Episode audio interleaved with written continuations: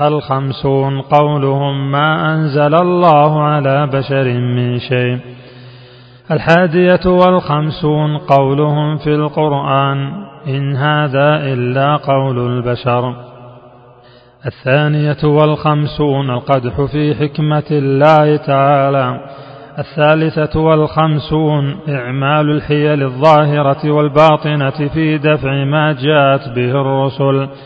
كقوله تعالى ومكروا ومكر الله وقوله وقالت طائفة من أهل الكتاب آمنوا بالذي أنزل على الذين آمنوا وجه النهار وجه النهار واكفروا آخره الرابعة والخمسون الإقرار بالحق ليتوصلوا به إلى دفعه كما قال في الآية الخامسة والخمسون التعصب للمذهب كقوله فيها ولا تؤمنوا إلا لمن تبع دينكم.